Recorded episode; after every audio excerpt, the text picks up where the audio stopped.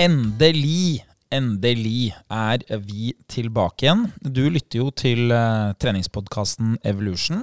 Vi har hatt en lang og forhåpentligvis god sommerferie. Det skal vi jo snart finne ut når vi skal hente inn de faste i eh, panelet her. Men uh, vi setter jo veldig pris på at du er tilbake som lytter. Det er jo litt sånn avgjørende for vår podkast at det finnes noen lyttere. For vi, vi, har ikke tenkt å sitte her og snakke med hverandre bare. Det gjør vi jo egentlig nok. Så tusen hjertelig takk for at du gir oss fornya tillit. Vi håper å kunne bidra med gode treningstips. Sånn at uh, din treningshverdag blir litt bedre, litt enklere og litt mer motiverende. Og til å få til det, så har vi jo da noen faste i denne podkasten. Velkommen til deg, Linnea. Tusen takk. Tilbake fra sommerferie. Ja, det er godt å være tilbake her i studio. har det vært deilig å ha ferie? Det har det. Det har vært skikkelig, skikkelig deilig. Selv om været her har kanskje ikke vært det beste hele sommer, men det har vært kjempefint ellers. Så det bærer preg av at du har vært sør for Mo i Rana? Ja. Det, er helt riktig. det har jeg også. Eh, for jeg tror at hvis du eh, har vært i Bodø eller du har vært eh, i Tromsø, så tror jeg jo kanskje sommeren har vært litt annerledes. Ja. VG har i hvert fall fortalt meg det nøye gjennom hele sommeren, at det har vært veldig bra vær i Nord-Norge. Så nei, det er forskjellig. Hva, hva har du gjort i sommer? Hva er, hva er, høydepunktene, hvis du nå skal gi meg en sånn heispitch fra sommerferien? Hva, hva er det du har gjort? Hva er det du er fornøyd med? Jeg eh, har gjort veldig lite og mye samtidig. Jeg har vært eh, på Stavernfestivalen. Det var jo eh, Det var veldig, veldig, veldig gøy. Um, mye fyll og fanteri, og gikk da rett over til å være basically aleine på en øy i Trøndelag. På hytta vår, da. Så ellers, etter det, så begynte jeg jo egentlig bare å jobbe litt smått. Og leve livet. Ikke sant. Jeg har noen uh, oppfølgingsspørsmål her. Uh, spørsmål én. Var det sånn stort pariserhjul eh, under Stavernfestivalen? Det var det. Det var det. Spørsmål to. uh, hvordan gikk det med denne skrittelleren når du var der nede? Blei det mange skritt av dansing på kveldstida på natta? Ja, det blei jo det. Altså, vi bodde jo på camp. Og for de som har vært på Stavernfestivalen, vet jo at camp er et lite stykke unna selve festivalen. Man må jo gå over en golfbane. Så det, altså det blei jo rundt 20 000 skritt fordi man måtte gå fram og tilbake fra camp og Stavern, selve festivalområdet, da. Og så ble det jo mye dansing og vandring rundt på festivalområdet, for det var kjempestort. Det kan jo kanskje være en fordel. Det er vel eh, i hvert fall sånn som jeg erindrer fra festival, eh, så er det jo ikke veldig mange som spiser knekkebrød og drikker vann. Det er vel stort sett et inntak av eh, kalorier i ulike former? Ja, det ble det jo. Det ble mye forskjellig mat der. Da. De har jo alle slags boder eh, både på festivalplassen og på camp. Så det ble jo mye Los Tacos og elgbab og de greiene der. Elgbab? ja. Det var faktisk overraskende godt. Med sånn tyttebærdressing. Oi. Ja, du, det, jeg, spist, jeg har spist hamburger, faktisk. Elgburger. Og da er det også sånn tyttebærdressing av noe slag. Ja. Det er ikke verst. Det er ikke verst. Eh, var det inntak av uh, noe annet enn vann, da? Bitte litt. ja, nei, det må jo jeg uh, ikke avholds, jeg. Altså hvis jeg skal på sånn festival med tusenvis av andre mennesker, så er det et krav, faktisk. Ja, det ble noen uh, fuktige kvelder med alt annet enn vann. Så det var jo Ja, det er sånn det skal være på festival. Det blir jo litt øl og sider og gudene vet hva annet man får i seg. Ikke sant? Nei, jeg, jeg syns det er godt å kose seg. Det er jo helt valgfritt, selvfølgelig, men hvis man er glad i det, så, så hører det med. Det siste spørsmålet jeg har, det har ikke noe med festival å gjøre, ikke noe med pariserhjul å gjøre, men har du vært på Hjorten kjøpesenter på Hitra? det har jeg. Ja, Der var på polet, si! helt riktig. ja, jeg var innom der, måtte jo det, på turen opp til hytta. Kjører jo forbi. Ikke sant. Mm. Jeg uh, har uh, vært i Trondheim i sommer, men det var veldig tidlig i uh, sommer. Og da var jeg ikke på Hitra. Nei. Så det begynner å bli en stund siden jeg har vært på Hitra. Men kanskje jeg må komme meg dit etter hvert. Det er jo ganske fint når det er fint vær. Mm. Problemet er jo at det regner og er ganske mye vind veldig ofte. Men ja. det gjelder vel generelt hele kysten på vestsida av Norge og nordover. Vi har en til i eh, studio her, vi, som eh, har hatt uh, sommerferie. Han har jobba en del i sommer, det vet jeg faktisk. Velkommen til deg, Sindre. Jo, mange takk. Vet du det fordi jeg har plaget deg med å sagt hei, jeg mener ikke å forstyrre mens du er på ferie, men Sånne uh, litt skjulte Jeg jobber når det er meninga at jeg skal ha feriemailer, er det det du tenker på? Lite snikskritt. er det det du sa? det er ikke det jeg sier, i hvert fall. Altså, jeg har ikke spist eh, elgbab, det har jeg ikke. Men det kan hende jeg har vært innom Bislett kebab mer enn to-tre ganger. Eh, det har jeg, definitivt. Dessverre. Utenom det så har jeg jo, som du, som du sier, jeg har jobba veldig mye. Eh, jeg, men jeg, det som er gøy om sommeren, det er at jeg har litt alternativ jobb. Da jobber jeg ofte litt mer med basketspillere. Og så har jeg noen camper hvor jeg jobber med masse ungdom. Og det er jo da basketballcamp, gjerne i regi av noe styrkefokus inn mot ungdom, som er dritmoro. Så der har jeg vært et par uker. Så har jeg jo brukt tiden min godt på en idrett som da er litt lik Stavernfestivalen, fordi det er noen som drikker der òg. Golf. Er ikke Tiger Woods eller Hovland ennå, men eh, det kommer seg. Spennende. Det er jo et prosjekt du har satt i gang det her. Du begynte jo i vår. Ja. Hvordan går dette golfprosjektet sånn eh, prestasjonsmessig? Ok, så vi må bare få én ting klart. Jeg har starta på 54, er nå på 50,6. Ja, og Men- du, og du eh, Jeg kjenner jo noen som har starta med høyt handikap, men som egentlig er gode til å spille golf. Eh, nå kjenner jeg ikke dine golfferdigheter, men basert på hva jeg visste om deg før, så har du vel ikke spilt så særlig mye golf før du begynte? Nei. Jeg har en storebror som spilte veldig mye når jeg var ung. Men jeg, da var jo derfor jeg ikke skulle spille golf. Jeg skulle ikke være som han. Det er jo dritteit. Så jeg skulle spille basket. Så møtte jeg meg selv i døra og da funnet ut at hva er det alle avdanka basketspillere gjør? Jeg spiller golf. Så nå har jeg begynt, jeg òg. Så du, du var faktisk, om vi skal liksom gjøre det enkelt, at du, du var så dårlig som det er meninga at man skal være når man begynner, i form av handikap? Katastrofe. Jeg var dårlig. Altså, du kan jo følge statistikken din og se liksom hvordan du ligger an i forhold til der du er. Jeg lå dårligere enn utgangspunkt. Så du måtte egentlig bli litt bedre bare for å få entre rangeringssystemet. Ja. Og til de som ikke vet det, da, så er jo egentlig eh, handikapsystemet i golf er egentlig veldig smart. For det betyr at hvis vi tre skulle spilt golf sammen Jeg er eh, skikkelig dårlig. eh, du Linja er skikkelig god. Og Sindre er helt middels. Ja. Så vil det være sånn at da får du det som kalles for et handikap, basert på hva du har prestert over tid. Og egentlig så sier bare handikappen noe om hvor mange ekstraslag du skal få lov å få. Så hvis vi sier at uh, du er så god da, at uh, du har null eller minus i handikap, så må du spille på det som banen på en måte har som sitt antall slag per hull. Så hvis vi da står foran et, eh, et hull hvor det er si 350 meter, og de som har lagd banen sier at eh, dette skal vi klare på fire slag, det er det som er liksom forventa her, så må du klare det på fire for å gå inn på par. For å bare få null i, i poengsummen. Og det er om å få færrest mulig slag. Mens hvis jeg da er helt katastrofe, eh, ordentlig katastrofe, så jeg har si 54 da, i handikap, som er det du starter på, så vil jeg nesten ha Uh, ja, skal vi se, Hvis det er 18 hull, da, så har jeg jo 18-36 Jeg har jo tre slag da, per hull som jeg kan bruke ekstra. Det kommer ikke til å holde engang. Nei, og det skal sies at det har vært gøy å spille golf fram til man begynte å få litt forventninger i forhold til hvor man er.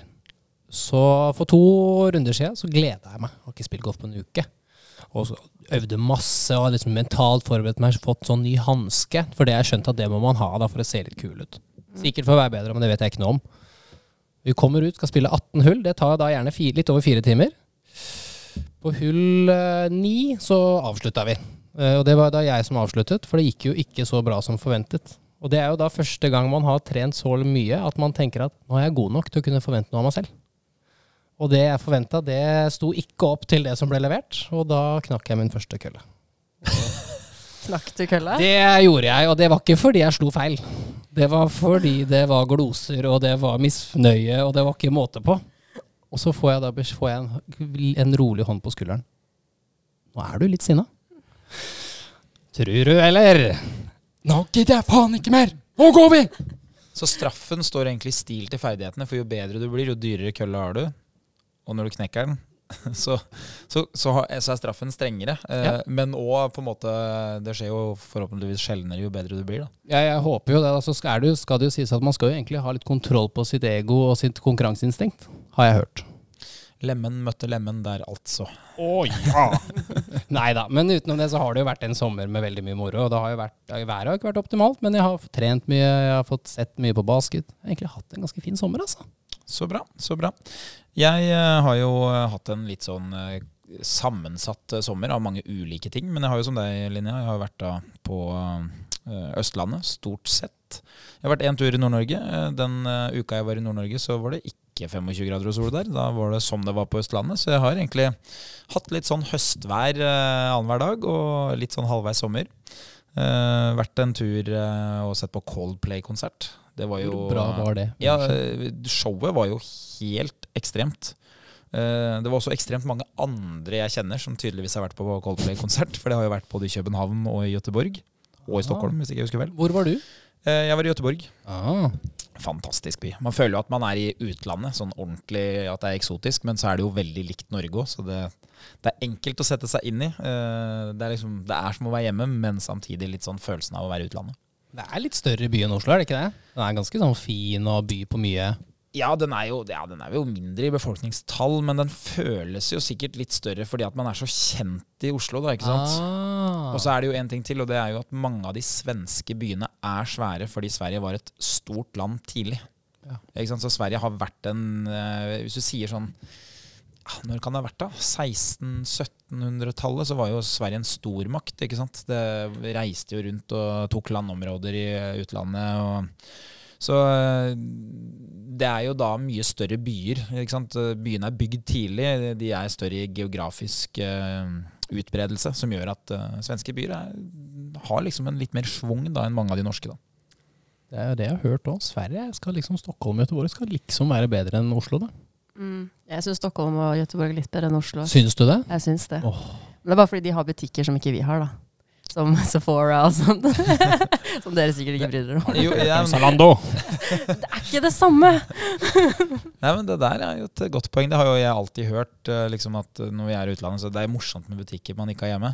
Men en eller annen gang må jo internett bare drepe det der, eller? Så når jeg var i USA, så fikk jeg høre om noe som het Amazon. Og da var det sånn to timer, så er det levert. Da tenkte jeg jeg skal aldri på en butikk igjen, jeg. Så jeg venter på den dagen her.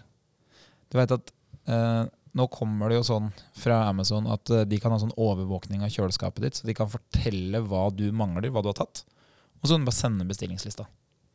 Eh, og det samme kommer jo etter hvert også i butikkene, at du kan bare gå rundt og plukke det du vil i butikken, og idet du går ut av butikken, så vet butikken hva du har tatt, fordi kameraene har sett hva du har plukka fra hyllene. Så det, det kommer til å bli veldig veldig enkelt, det livet her. Eh, og da kommer det siste, som jeg husker jeg så for sikkert fem-seks år siden. Det var at du kunne ha en knapp eh, ved siden av eh, dorullen på do. Så når det var tomt for dorull, så var det bare å trykke på det, og om et par timer så sto det på døra. Det Man kan si hva man vil om smart homes, men herregud, så jævla smart, da. Vi, eh, vi skal den veien. Men uh, vi er jo her for trening. Uh, og enn så lenge så har ikke Amazon kommet opp med noe som kan gjøre at kroppen min blir trent. Det må jeg dessverre gjøre selv. Uh, bra for oss som jobber med trening og har det som vår profesjon og vårt yrke og vår business. Men det er jo bra for opplevelsen òg, tror jeg. Man får jo med seg mange gode faktorer i tillegg til de helsemessige aspektene. Men eh, hva er egentlig planen videre nå, Sindre? Vi var jo veldig nøye på noe mål og måloppnåelser før sommeren. Stemmer. Og så har vi snakka litt vagt om hva vi skal gjøre på høsten. Mm. Og i min kalender så begynner høsten nå. Eh, ikke fordi at det nødvendigvis er høstvær, men fordi at neste gang vi skal stoppe nå, det er første juledag. Nå er alle ukene helt like, så nå er det lett å planlegge. Så hvis du skal ha en 10-ukers eller en 15-ukers plan, uavhengig av hva det er, så vil det eneste som kan komme i veien her, det er en høstferie. Det er det eneste som kan ødelegge. Det er derfor jeg liker høstparten litt bedre når det kommer til trening. Mye lettere å sette seg opp en god plan. Det er ikke så mye som skal komme i veien, som du sier. Og det er vel litt det vi skal snakke om her i dag òg. Se litt på veien videre for alle andre. Du hadde jo noen mål før sommeren, hadde du ikke det? Jeg har fulgt deg på Strava, skjønner du, så jeg har skjønt at du har levert. Ja. eh, Det som eh, har vært eh, veldig bra, var jo da hele sommeren fram til et bryllup i Polen. Bryllupet i Polen var, det var kjempebra. Det som ikke var fullt så bra, var etter at vi landa i Norge, så var det plutselig nesten alle i reisefølget. Og vi var jo mange, det var da familien til samboeren min, så det var en god del som reiste nedover.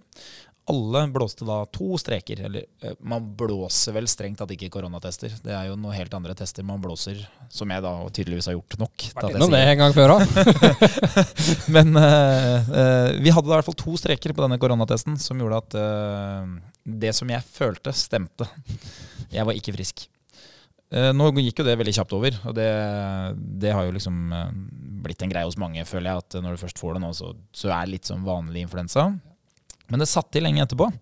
Eh, Og det var jo litt gunstig med en ti dager uten noe særlig trening. Og det er jeg litt skadelidende av eh, fortsatt. Nå er jeg inne i tredje uka, og nå først begynner det å se normalt ut.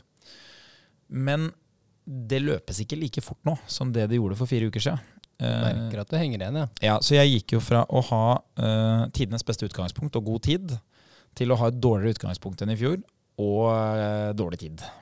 Ja, for du skal vel løpe nå om hva da, en uke? To? Ja, det skulle jo helst stått uh, ikke åtte på hvilken måned vi er i. Det skulle helst stått syv, føler jeg. Det burde ha stått juni. Men uh, jeg skal løpe allerede søndag om uh, litt over en uke. Da er det halv i Drammen. Det har jeg allerede på en måte canna i form av å sette ny pers. Der blir det bare å sørge for at det skal gå i den farten som jeg ønsker å løpe i på hel. Men det er jo da neste problem, at eh, det å løpe hel, det kommer jo da også om tre og en halv uke. Eh, og da begynner man plutselig å bli litt kjørt på distanse. Eh, så det er problemet da med, med maraton eller kortløp. Kortløp, man har ikke god nok kondisjon. Det er ikke noe vits å begynne å løpe i den farta, for du kommer ikke til å komme deg til mål. Da må du bare løpe litt saktere.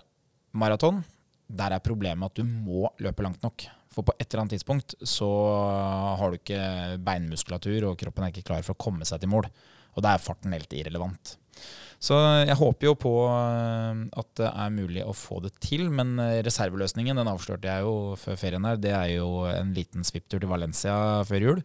Den eh, begynner jo å bli veldig mye tydelig. Den begynner vel å bli sånn bestille fly-tydelig akkurat nå, Hæ? føler jeg. Men det som jeg må gjøre, som jeg ikke har turt å gjøre ennå, det er at jeg må inn i fjorårets logg.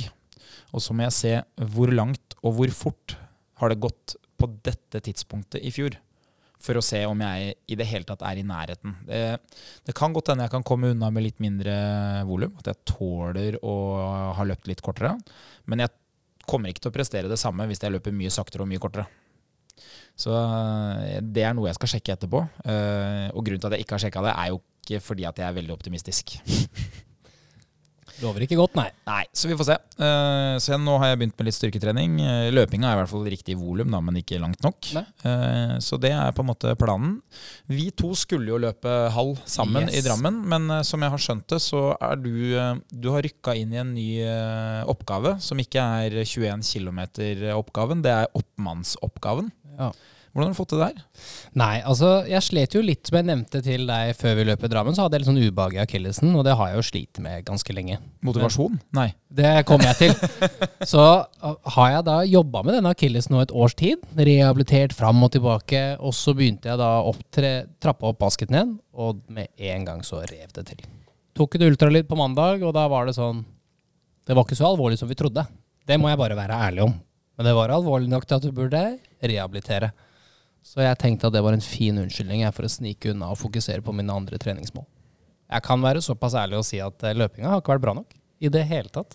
Og når jeg da hører at du kan velge mellom å løpe det maratonet eller halvmaratonet og spille basket, tenkte jeg å nei, det er vanskelig for meg å velge. Jeg går jo for det som gir meg mest treningsglede til syvende og sist.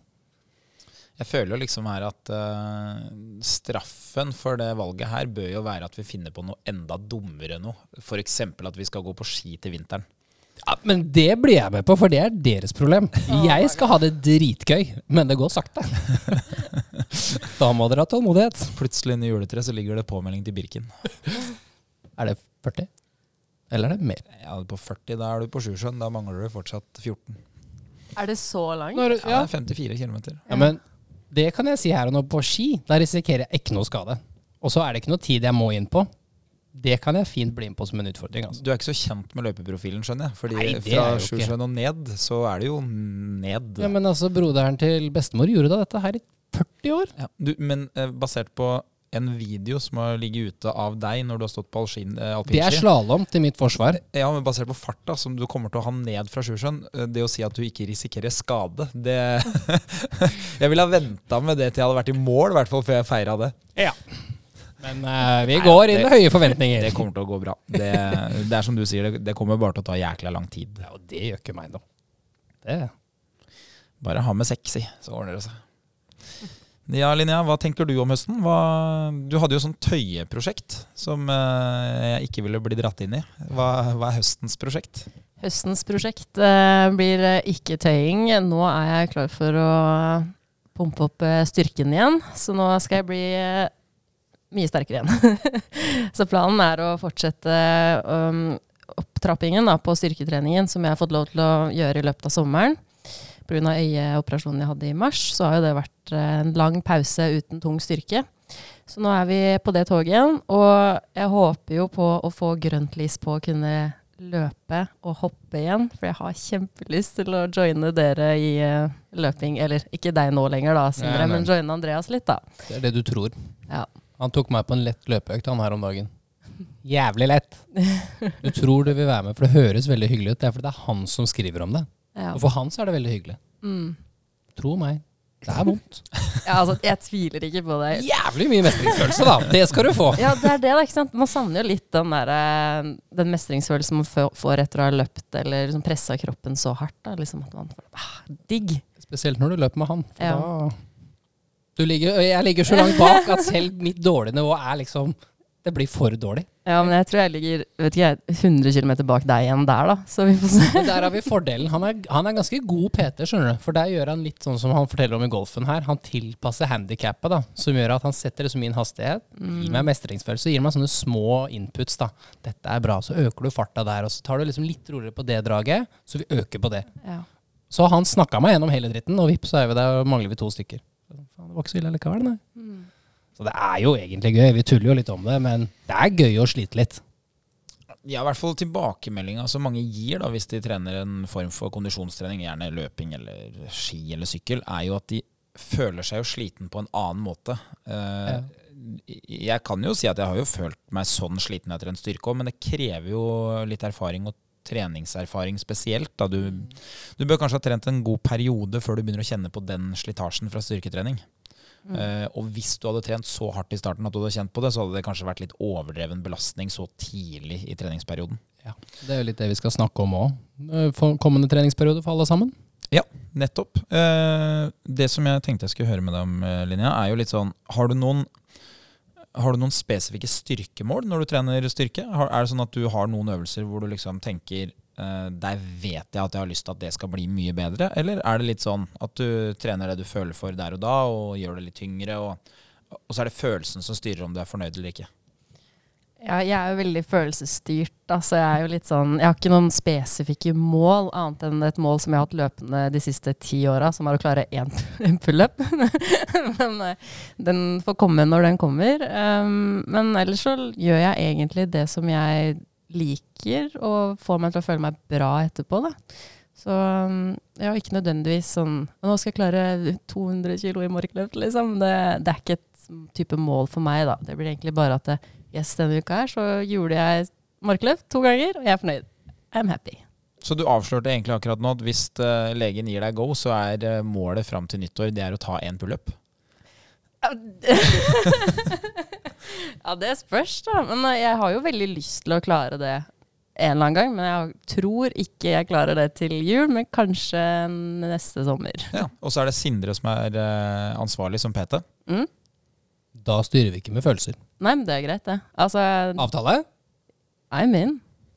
Shake on it. Shake, Ja. ja. er det en avtale nå? Det er en Andreas er avtale. vitne. Ok. Samtidsvitne, ja nå. Da skal du få meg opp. Det her var litt for enkelt, syns jeg. Det var, eh, jeg tenkte jo kanskje jeg skulle få litt motstand her. Slapp helt eh, av. Du får ikke den motstanden. Men jeg sa akkurat nå, det blir ikke noen følelser i det treningsprogrammet. Jeg, vet hva, jeg er klar for å teste ut litt andre ting enn eh, mine egne følelser. si. Nei, men Det kan bli litt morsomt, da, så kan vi jo følge det litt underveis. Eh, Jeg vet jo av erfaring at veldig mange har det som en målsetning. Mm. Og så vet jeg også at det er en sånn eh, Det er en litt sånn tøff målsetning, fordi hvis du skulle løpt maraton, da, så er du jo gjerne en person som kan løpe et godt stykke. Mens når det gjelder å ta én pullup, så er det jo ganske intuitivt at da tar man null i dag. Så det er ikke sånn at du liksom Du vet ikke distansen fra nåværende tilstand til det som er målet ditt. Og det gjør det litt sånn rart, for du, du vet ikke om det du har eh, lagt deg ut på nå er en lang reise eller en kort reise, liksom. Mm. Så da må man jo på med noen andre øvelser, og det er jo det som blir fint. For da kan vi jo få lov å se på en måte hvordan en PT jobber, eh, og hvordan man treningsfaglig kan legge opp til at For å få riktig belastning så må man jo da finne andre øvelser som faktisk belaster. Eh, tar man null, så blir det jo ingen belastning, på en måte. Så derfor eh, kan vi følge det litt eh, fremover og, og høre litt hvordan, eh, hvordan, man planlegger for det. da. Det var en veldig god plan. Det vi egentlig skal snakke om i dag, som vi skal begynne med nå, det er jo hvordan skal man komme i gang etter sommeren. Eh, noen våkner jo eh, etter sommerferien med enorm motivasjon og tenker nå er jeg så gira. Nå har jeg ikke gjort det jeg skal, så nå har jeg lyst til å brenne til. Og så har du jo kanskje de 99 andre som tenker ah, ja, jeg skulle egentlig starte i går, eh, og så skulle jeg egentlig starta i dag. Det får bli i morgen. Og så blir plutselig sommerferien til september, og så kan det hende han blei helt i januar. Og det er veldig vanlig. Men vi skal nå prøve å finne kanskje noen virkemidler som er litt motiverende, som kanskje låser deg litt fast til å gjennomføre trening. Så la oss uh, se litt nærmere på hva som kan være tips for å komme i gang etter uh, sommeren.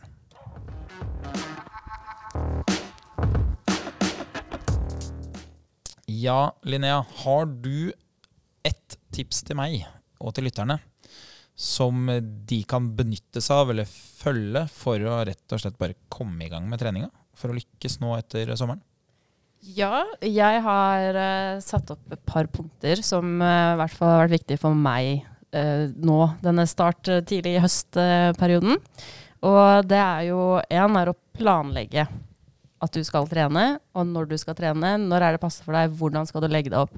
Sette opp en eh, plan som motiverer deg, og som funker for deg. Og da må du være ærlig med deg selv. da. At hvis du veit at du er en person som sier ja til mye ting, og liksom har mye middager og ting som skjer etter det, så må du kunne ha, sette av tid nok til det, men også prioritere treningen sånn at du faktisk har det i timeplanen, og gjør det. Det vil gi deg en god følelse etterpå, da. Og i tillegg til det så er det fint å pakke bagen og ha den klar i i bilen, i gangen, sånn at du ikke har noen unnskyldning med 'Å, jeg glemte tøy'. Nei, det gjorde du ikke. Den ligger i bagasjen. så den har du.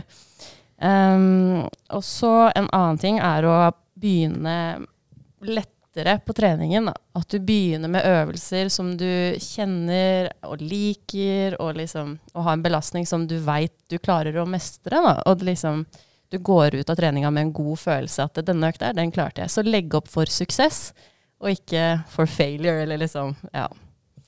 Det er mine største tips. Ja, det er, ikke, det er ikke dumt, det. God planlegging fra start, og at man tar et litt enkelt innsteg for at man ikke skal brenne alt kruttet med en gang. Mm. Ja. Jeg liker jo spesielt den med å ha, ha liksom treningsklær med seg.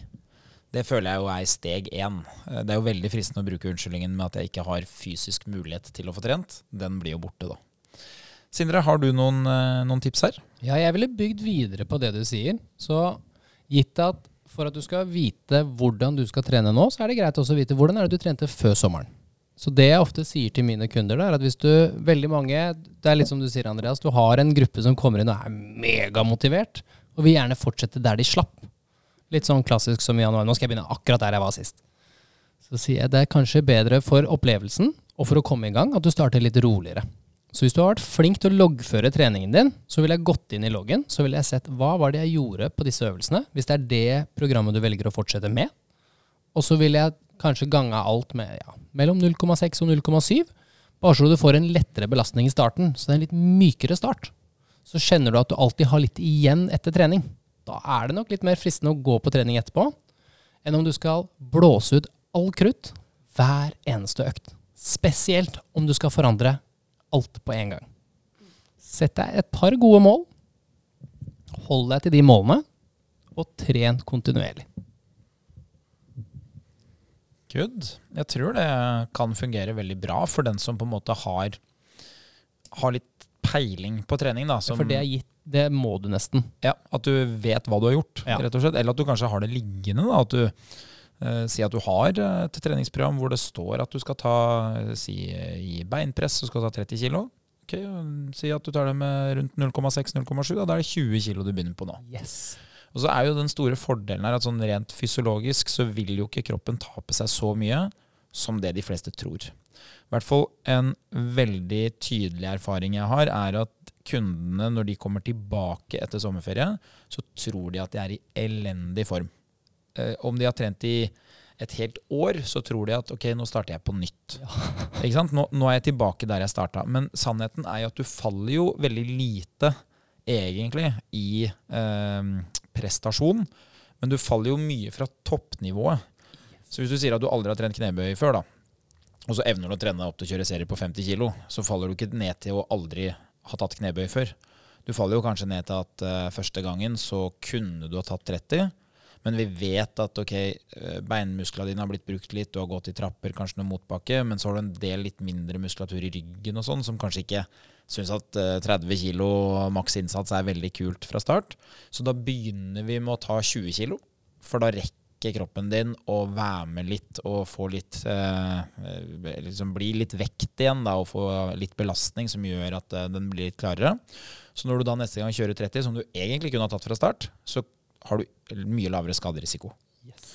Men i utgangspunktet så tror jeg du kunne ha vært veldig nærme maks hvis du bare har hatt halvannen måned med ferie etter ja. å ha hatt lang treningsperiode i forkant. Altså. Ja, og det er jo, jeg tror mange undervurderer at hvis du er flink til å trene to, Si, gjør det veldig enkelt, to ganger uka fast hver eneste uke utenom de fem ukene når du har ferie, så har du gjort ganske mange treningsøkter. Og hvis du tror at alt det forsvinner på en ferie, så tenk heller på hvor lang tid du har brukt på å komme deg opp på så mange økter på et år. Mm.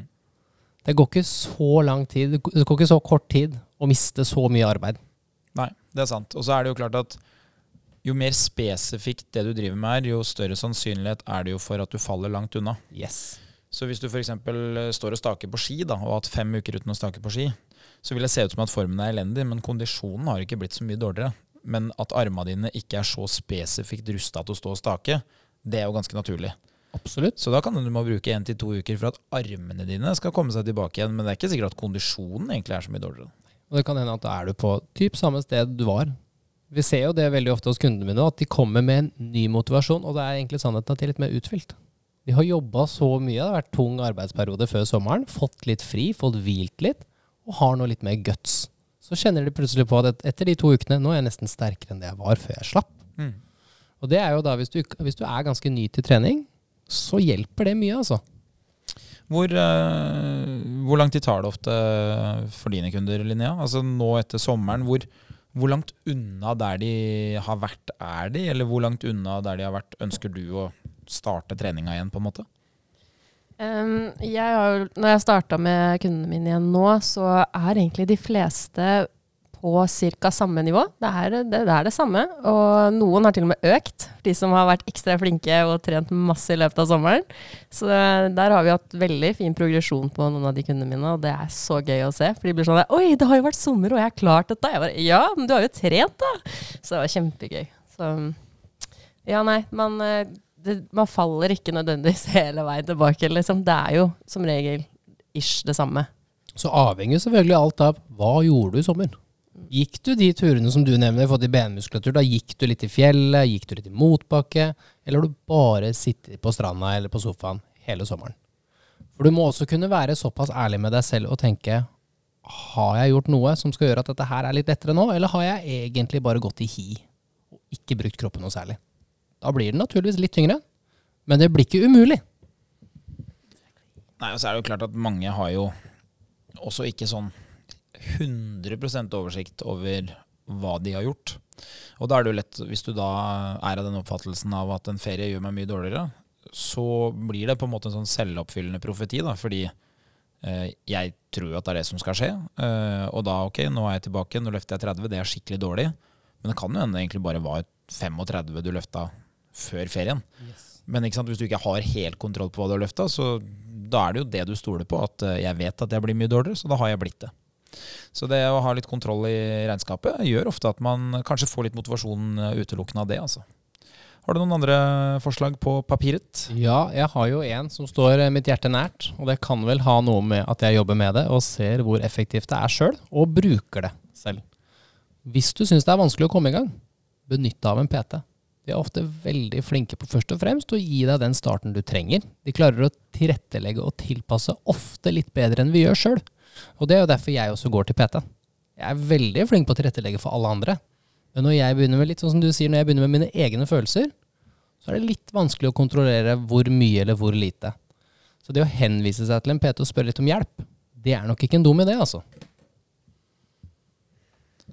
Da vil du jo kunne få på en måte en sånn superenkel oppskrift da med en gang, hvis du ikke har det. Ja. Uh, og så vet vi jo, det har jo du fortalt òg, Linnea, at mange av de kundene som du har, de får jo en veldig energiboost og en motivasjonsboost idet de liksom skjønner at å ja, når jeg gjør det du sier, så funker det veldig bra. Har du møtt noen nye nå etter sommeren som du ikke har trent før? Jeg øh, har egentlig ikke det, når jeg tenker meg om. Jeg har ikke møtt så mm, mange Jeg har ikke hatt noen nye PT-kunder, men jeg har jo møtt nye medlemmer på senteret, da. Det er jo noe. og øh, de øh, Det har vært mange som har spurt om PT da, og hjelp. For det er mange som er nye til treningssenteret og vet ikke helt hva de skal gjøre. Så har de kommet bort og spurt om jeg hadde noen tips da, til hva de kan gjøre, og hvordan de kan komme i gang. Og så, ja. Og da er folk fornøyd når de eh, kommer tilbake igjen en uke etterpå eller to uker etterpå? Ja, ja, de er jo fornøyde med å trene, da, men de trenger jo egentlig litt mer oppfølging, selvfølgelig, da, som regel. Ikke sant? Nei, det er jo noe med det at man må nesten vite hva man skal. Oppmøtet holder ikke alltid, altså. Nettopp. Det gir jo litt trygghet òg, da. Og så er det når du går inn på senteret og du har en plan som du vet er lagd av en fagperson du kan stole på.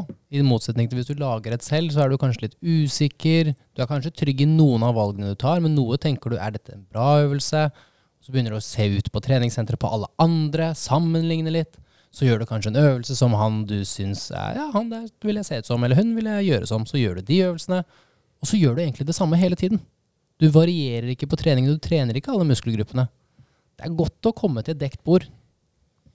Det er et eh, meget godt poeng. Har du eh, en siste? siste før eh, jeg ruller de dårlige forslagene som jeg har på lista mi her?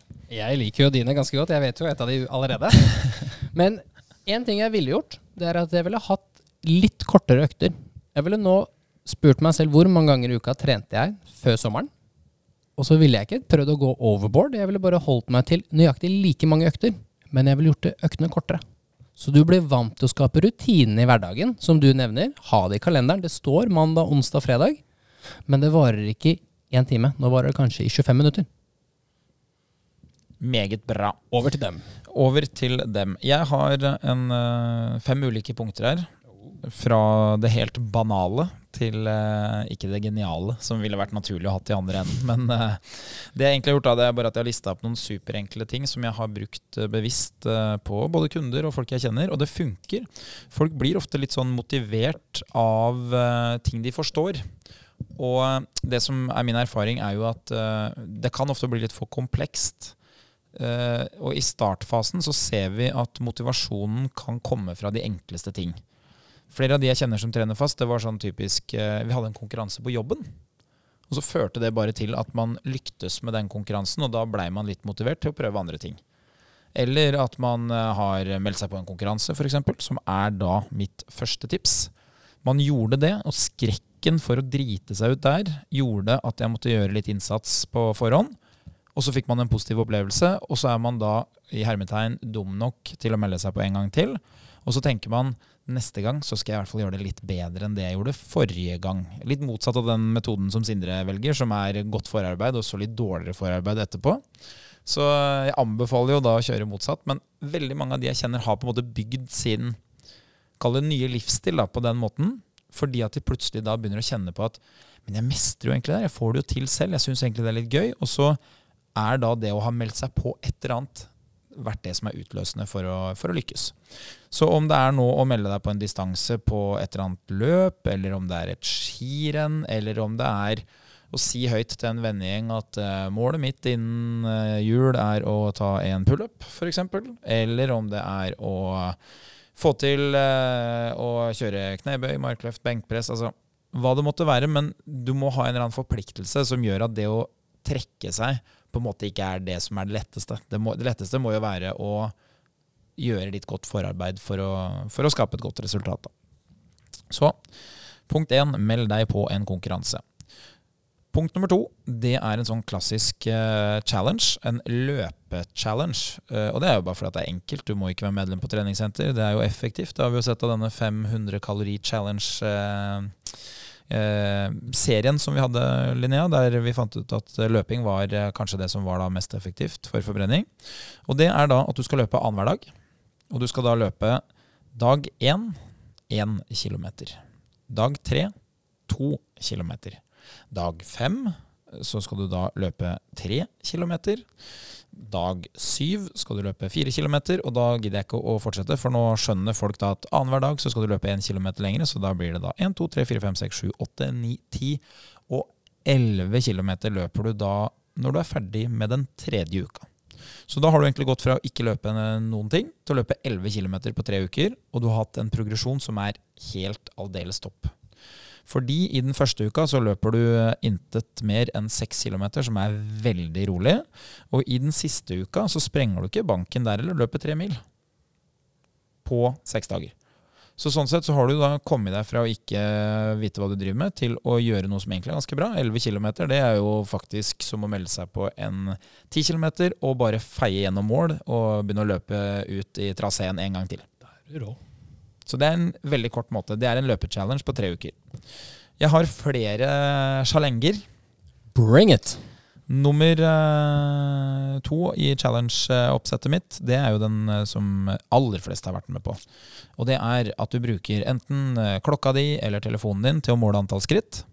Og så skal du ha 10 000 skritt hver eneste dag i en uke.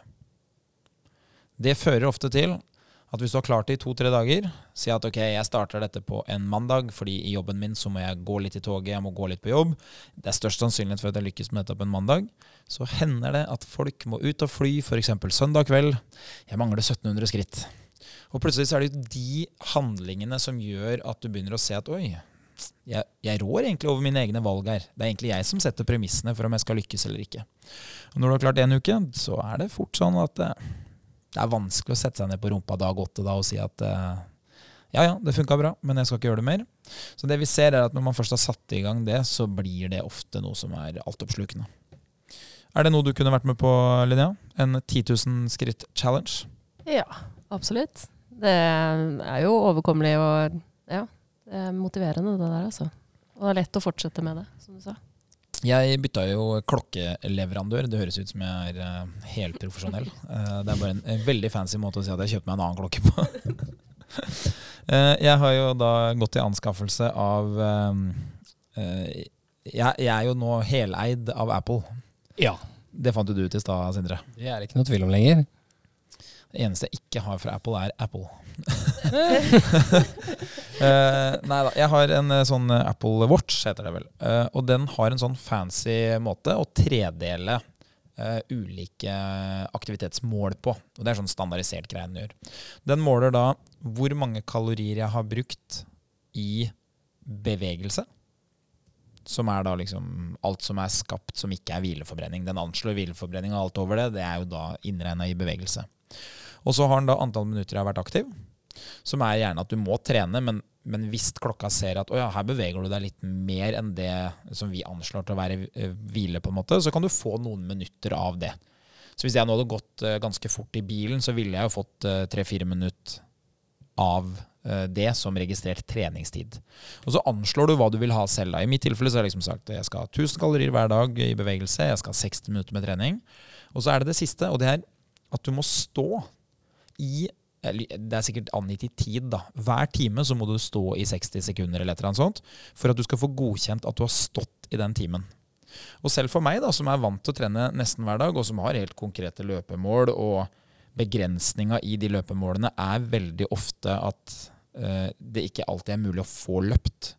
Men selv jeg blir jo litt hekta på den derre oversikten over har du klart å stå hver eneste time som gjør at uh, eh, f.eks. skal gå og legge meg, og klokka er fem på elleve, så kan du være ganske sikker på at jeg ikke er i seng før sånn tre over elleve. For da får jeg med at jeg har stått i den timen. Og jeg har sagt da at jeg skal stå i 14 timer hver dag. Jeg kan jo da i teorien uh, stå i 14 minutter. Så har jeg jo stått i 14 timer. Godkjenner den det da? Ja, den trenger bare Jeg husker ikke om det, er eh, Si at det er 30 sekunder med bevegelse eller 1 minutt rolig, da. Ja, så, så, godkjenner den det. Ja. Så hvis du våkner ikke sant, eh, tre på sju eh, og har klokka på hånda og spretter opp, så får du jo godkjent at du har stått i timen mellom seks og syv. Men det som er morsomt, er jo sånn som nå, da, hvis vi sitter her i over 60 minutter, så kommer ikke jeg til å få godkjent at jeg har stått i denne timen. Men det viser bare hvor, hvor lite um, genialt egentlig det trenger å være for at du skal bli litt hekta på å gjøre gode valg. da. Ja. Det her er jo noe som er sikkert ikke det første man tenkte på når man lagde den klokka, men det er jo noe som da plutselig er en sånn verdifull ting eh, når du først har en sånn type klokke. Så det er en sånn morsom greie. Så 10 000 steg i en hel uke, morsom greie. Og så er det jo da den som du liker, eh, Sindre. Det er jo da den, eh, det neste tipset mitt. Det er jo at du trener én gang i uke én, du trener to ganger i uke to, trener tre ganger i uke tre. Og da tar du et valg om du har lyst til å fortsette og prøve deg på fire ganger i uke fire. Hvis ikke, så prøver du å holde tre ganger i uke tre så lenge du klarer. Og det vi ofte ser da, det er at folk kommer seg både ut i eh, tre og fire og fem uker, og da har du så gode vaner med deg at det ofte fortsetter utover høsten. Det siste tipset mitt det er det jeg kaller for tiukeren. Og det passer veldig bra nå, fordi alle ukene er helt like. Det er å trene tre ganger i uka i ti uker. 30 treningsøkter skal du levere da på de 70 dagene som står foran deg. Og da er det én dag med intervall pluss styrke, én dag rolig kort pluss styrke, og så er det én dag langtur. Langtur, jeg sier jo da gjerne mandag, det er intervall pluss styrke. Onsdag, det er da den eh, rolige, sier liksom 20 minutter eh, på sykkel eller på mølle eller noe sånt, og trene styrke. Og langturen den vil jeg gjerne ha på lørdag, eller til nøds på søndag, men jeg trenger den ekstra dagen de gangene det skjærer seg. Og det kan være sånn type sykkeltur, eller lang gåtur, eller topptur, eller eh, whatsoever, men det må vare i over en time. Så det er liksom den, den 70-dageren, eller 10-ukeren, som jeg kaller det. Hvem ville du tenkt at du har lyst til å prøve av de her, eh, Linnea? Av de der så tror jeg kanskje den uh, ti-ukeren frista mest. Ja. Prøve å holde tre økter i uka ti, i ti uker. Basert på de som du har trent, som du har trent over en lengre periode, hvor stor forskjell er det etter ti uker hvis de klarer å trene tre ganger i uka? Vil du si at de liksom um, Har de selv skjønt at oi, her har det skjedd noe med meg? Eh, Har du skjønt at oi, her har det skjedd noe med deg? Ser man det liksom både i styrke og kondisjon når man eh, holder på i ti uker? Det gjør man eh, absolutt. De merker det best selv også, for eh, altså de ser jo også at vi øker i kilo og vekt på de her apparatene og øvelsene vi gjør. Og så merker de at det, det blir lettere å gjøre disse øvelsene og tingene, fordi kroppen venner seg til det her, ikke sant. Og så har de i tillegg til det blitt vant til det å dra på trening de antall gangene som de har gjort. Så de, de merker forskjell, og jeg ser forskjell. Merker de noen forskjell i hverdagen? Sånn, eh, ja, altså det er jo noen som Det er en spesielt de som jobber i barnehage og sånt, har mm. sagt at jobben blir litt lettere når ikke det er det tyngste de gjør um, i uka, da. Og det er vel det som burde være målet. At du er så sterk, eller har så god kondisjon på, i treninga di, at hverdagen er enkel. Mm. Det er jo helt fantastisk. Ja, så er det jo En ting som jeg liker, er jo at hvis du piner deg selv litt, kall det det, at du liksom er vant til å ha litt tøffe økter, så blir jo plutselig differansen En ting er jo differansen i slitasje for kroppen, at øh, det jeg løfter og det jeg går, er lettere enn det jeg tåler på maks. Men en annen ting er jo også liksom det mentale, at du, du tåler å gjøre litt jobb. Rett og slett sånn fysisk jobb, fordi jeg, jeg har jo egentlig ganske god kondisjon, og jeg er jo vant til å presse meg når det virkelig er ubehagelig. og det å øh, gjøre litt jobb her nå, det er liksom ikke så tungt som å presse meg skikkelig. Så da får man et litt sånt øh, Litt mental kapasitet, da kan man godt kalle det. Så det, det ser jeg jo. Men hvis jeg spør for en venn, da, det kan jo være meg selv, men det kan jo òg være veldig mange av de jeg kjenner. og vi kan jo godt si at liksom, øh, det er jo det helsemessige aspektet som er viktigst for oss på sikt. Men jeg tror ikke man skal undergrave at det ofte er litt enklere årsaker til at man er motivert i starten. Mange har resultatet som sin motivasjon i starten, og ikke eh, å være et menneske som er aktivt. Kan jo si at Det som holder meg i aktivitet i dag, er jo at det er jo en del av min identitet å være en som er godt trent. Men når jeg begynte å trene når jeg var 14-15 år, så trente jeg jo styrke for å bli større. Det var jo ikke for at jeg skulle ha god helse når jeg ble gammel. Så langsiktig. langsiktig. Ja, det var det jeg starta med. Det blei aldri noe større lår.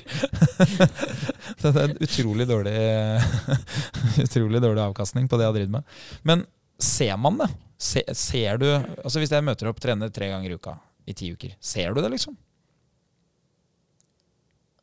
Ja Man ser jo det, ja. Altså på noen så ser man det kanskje. Det er så forskjellig fra person til person, liksom. Men man, eh, man ser det som regel bitte litt. Og man liksom i hvert fall føler på det. For meg så er det er jo det største, liksom. Man kjenner jo litt sånn her Å, nå, nå har jeg litt strammere liksom, biceps eller skuldermuskler. Ja.